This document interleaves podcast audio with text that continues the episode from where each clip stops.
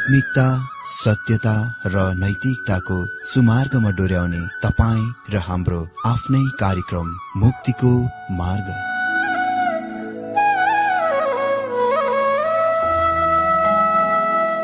आदरणीय श्रोता यस मुक्तिको मार्ग कार्यक्रममा हार्दिक स्वागत छ आशा छ यस आत्मिक कार्यक्रमद्वारा जीवनमा आत्मिक आशिष अलौकिक शान्ति र आनन्द प्राप्त गर्नुहुनेछ। र जीवनमा धन्य अनुभव गर्नुहुनेछ। आउनुहोस् श्रोता। मन र आत्माको तयारीको लागि यो मिठो अनि मधुर भजन गीत सुनौ।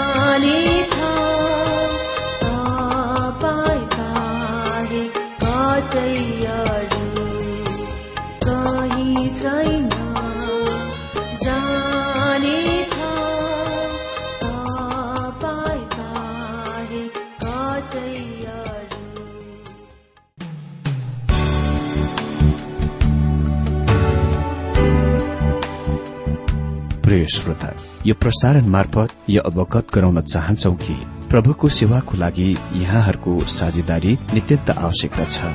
यहाँहरूले प्रार्थनाको साथसाथै आर्थिक सहायता गर्न अनुरोध गर्दछौ। तपाईँहरूको सानो भन्दा सानो भेटी किन नहोस्? हामी प्रभुको नाममा स्वीकार गर्नेछौ प्रभुको सेवाको लागि।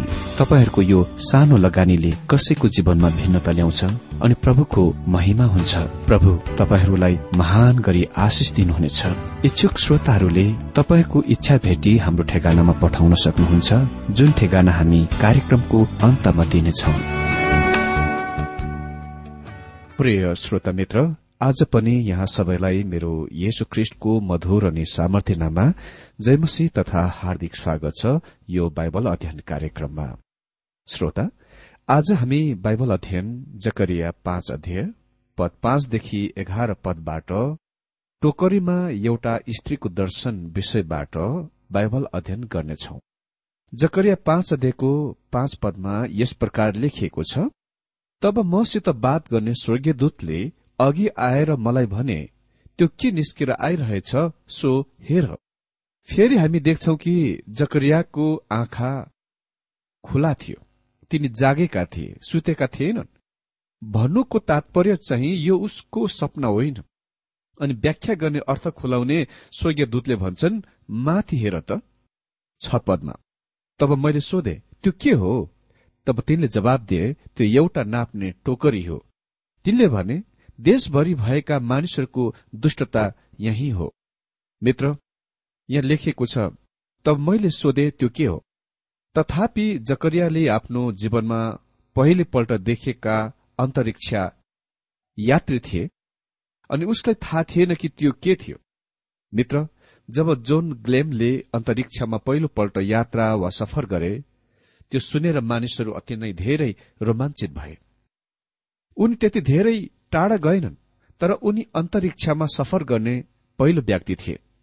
मित्र यहाँ हामी अन्तरिक्षमा एक स्त्रीलाई देख्छौ र जकरिया यसको स्पष्टीकरण चाहन्छन्। त्यो एउटा नाप्ने टोकरी हो। अ यो चाहिँ अघि अघि हाम्रा गाउँ घरहरू हुँदो चलाउने माना पाथीका भाँडा जस्तै हुन्थ्यो। यो चाहिँ आटा पिठो धान अन्न नाप्नलाई प्रयोग गरिन्दथ्यो। त्यसकारण यसले व्यापार वा वाणिज्यको दर्शाउँछ। सातपद तब सीमाको ढकना मासतिर उठाइयो र एउटी स्त्री त्यस टोकरीभित्र बसिरहेको देखे। हामीसँग यस दर्शनमा भएको कुरा इसरायलको अधर्म र पापमाथि दण्डको निरन्तरता हो। यसले अगाडि हजार वर्षीय राज्य युगतिर हेर्दछ जब पाप र अधर्म त्यस मुलुकबाट दूर हटाइनेछ टाढ हटाइनेछ।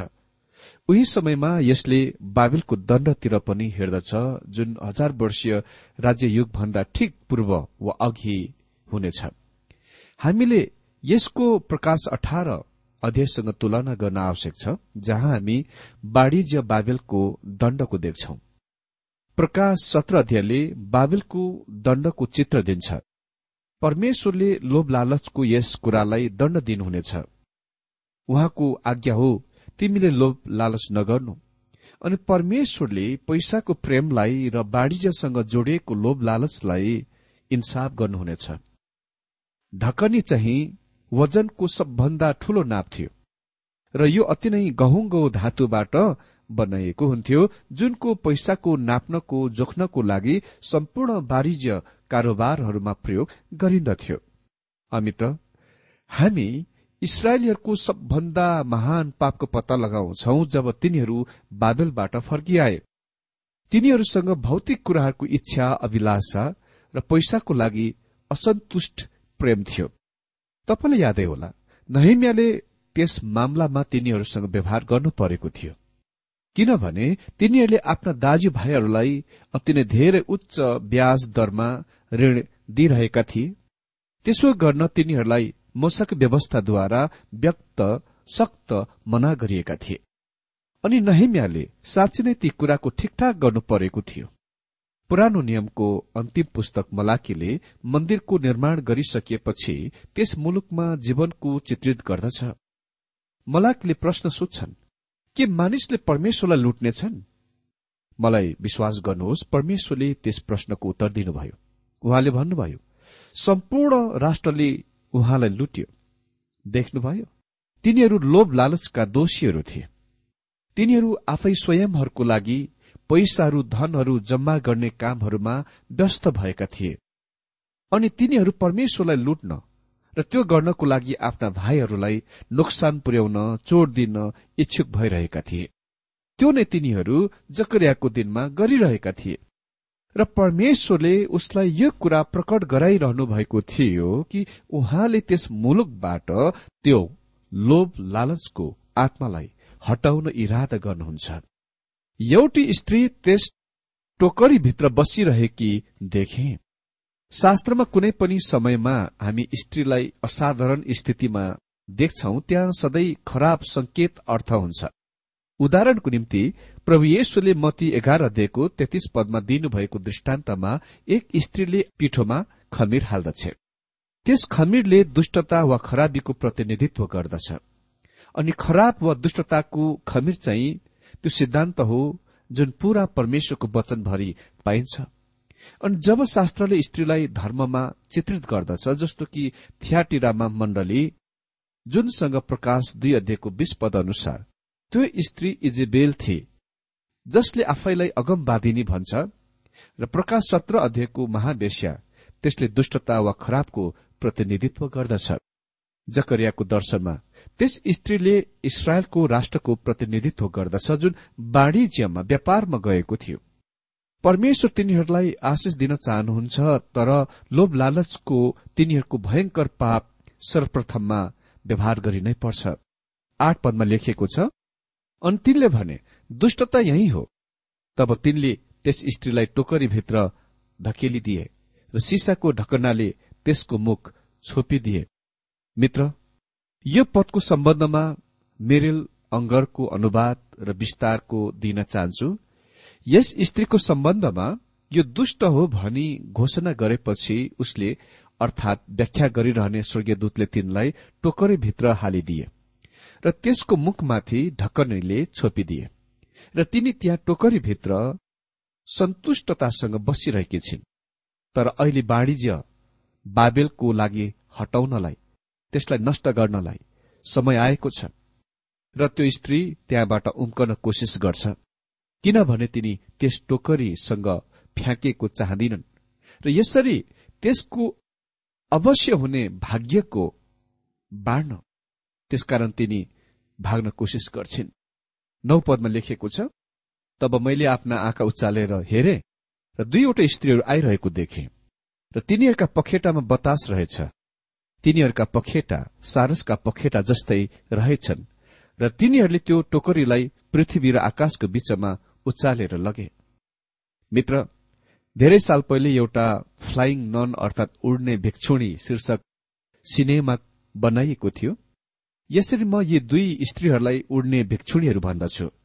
तर तिनीहरूले के कुराको प्रतिनिधित्व गर्दछन् त? हजुर हामी यस कुरामा निश्चय हुन सक्छौ कि तिनीहरूले दुष्टता वा खराबीको एजेन्टहरूको प्रतिनिधित्व गर्दछन्। किनभने तिनीहरू टोकरीमा स्त्रीको सुरक्षा दिने कुरासँग यहाँ जोडिएका छन्। अनि स्वर्गीयदूतले तिनको बारेमा भनेका थिए दुष्टता यही नै हो। भनिएको छ तिनीहरूका पखेटा सारसका पखेटा जस्तै रहेछन्। यो मजबुत शक्तिशाली पखेटा हो। शास्त्रमा पखेटा पंख चाहिँ स्वर्गीयदूतको तस्विर होइन। यो फोहोर चरा हो अशुद्ध चरा होइन। अनि दश र एघार पदमा लेखिएको छ तब मैले मसित बात गर्ने ती स्वर्गीय दूतलाई सोधे यिनीहरू यो टोकरी कहाँ लगिरहेका छन्? तिनले मलाई जवाब दिए बेबिलोनिया वा बाबेल देशमा त्यसको निम्ति एउटा घर बनाउनलाई लगिरहेछन्। जब त्यो तयार हुन्छ तब त्यो टोकरी त्यहाँ त्यसकै स्थानमा राखिनेछ। परमेश्वरले ईश्वरहीन र निर्दयी वाणिज्यको मामलालाई पलिस्तिनको मुलुकबाट हटाइरहनु भएको छ। अहिले यहाँ म केही कुरा देख्न चाहन्छु। इसरायलका सन्तानहरू मौलिक रूपमा वा शुरूमा पशुहरू पाल्ने र खेती किसानी गर्ने कृषकहरू थिए। र प्राय जसो मोसाको व्यवस्थाले त्यस प्रकारको जीवन ढाँचासँग गर्नुपर्ने सरोकार छ।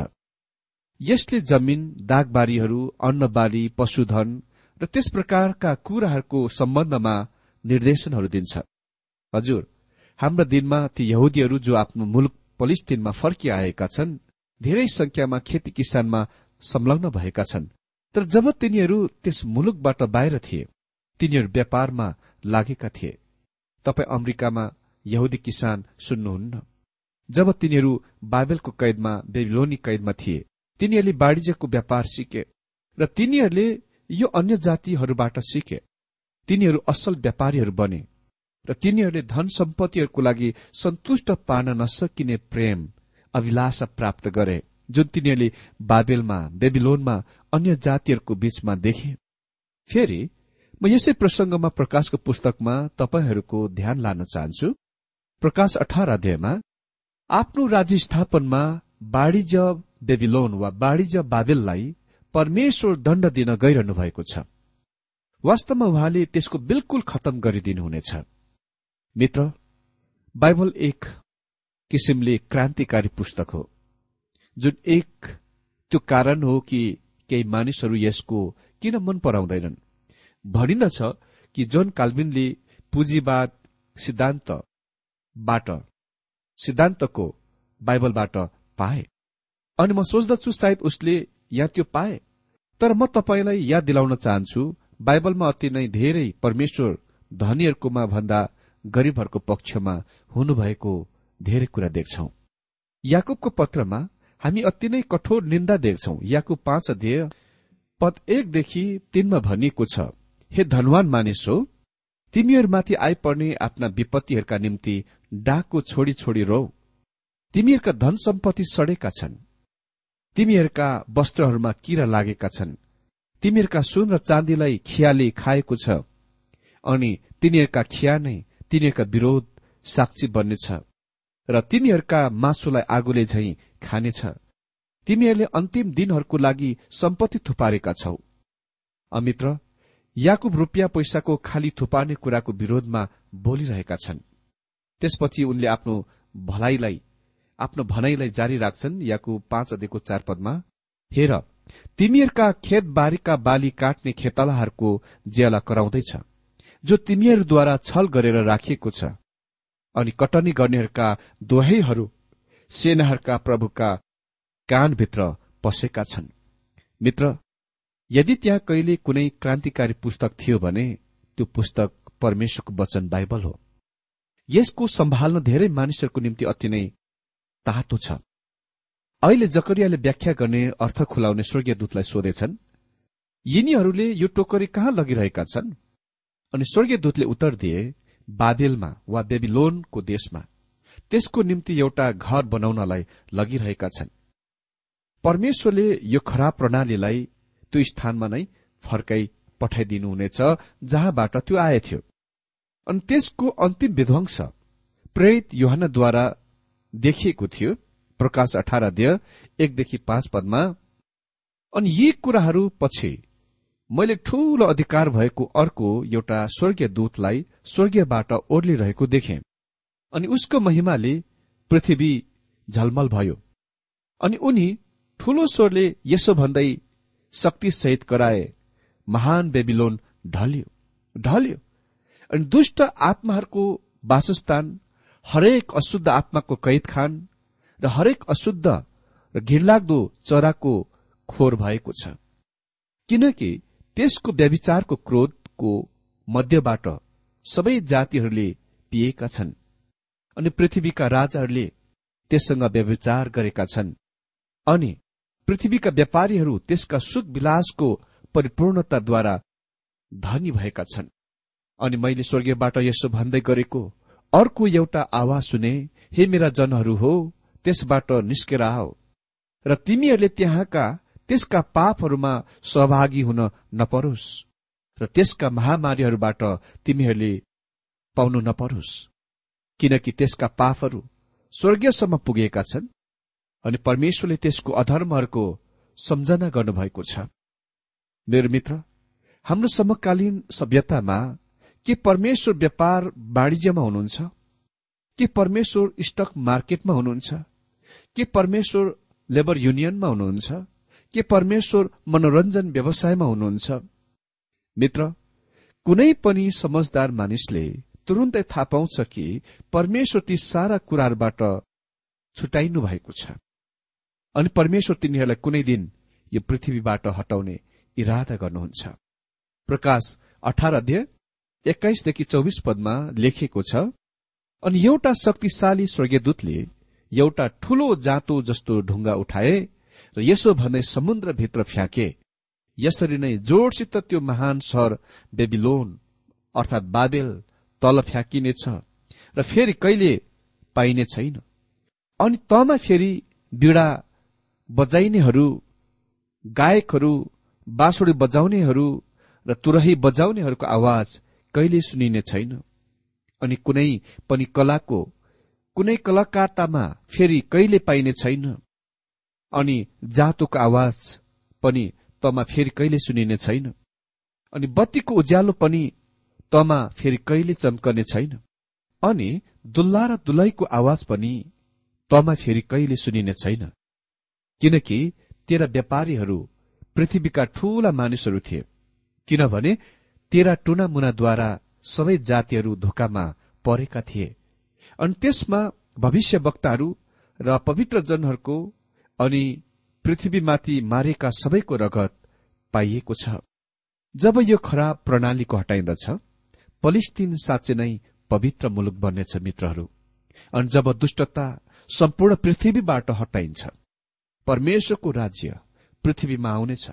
ओ यो कति महिमित प्रत्याशा हो जबकि हामी यो वर्तमान खराब भ्रष्ट दुष्ट युगमा रहेका छौं। परमेश्वर आजको यो बाइबल अध्ययनद्वारा हरेकलाई धेरै धेरै आशिष दिनुभएको होस्।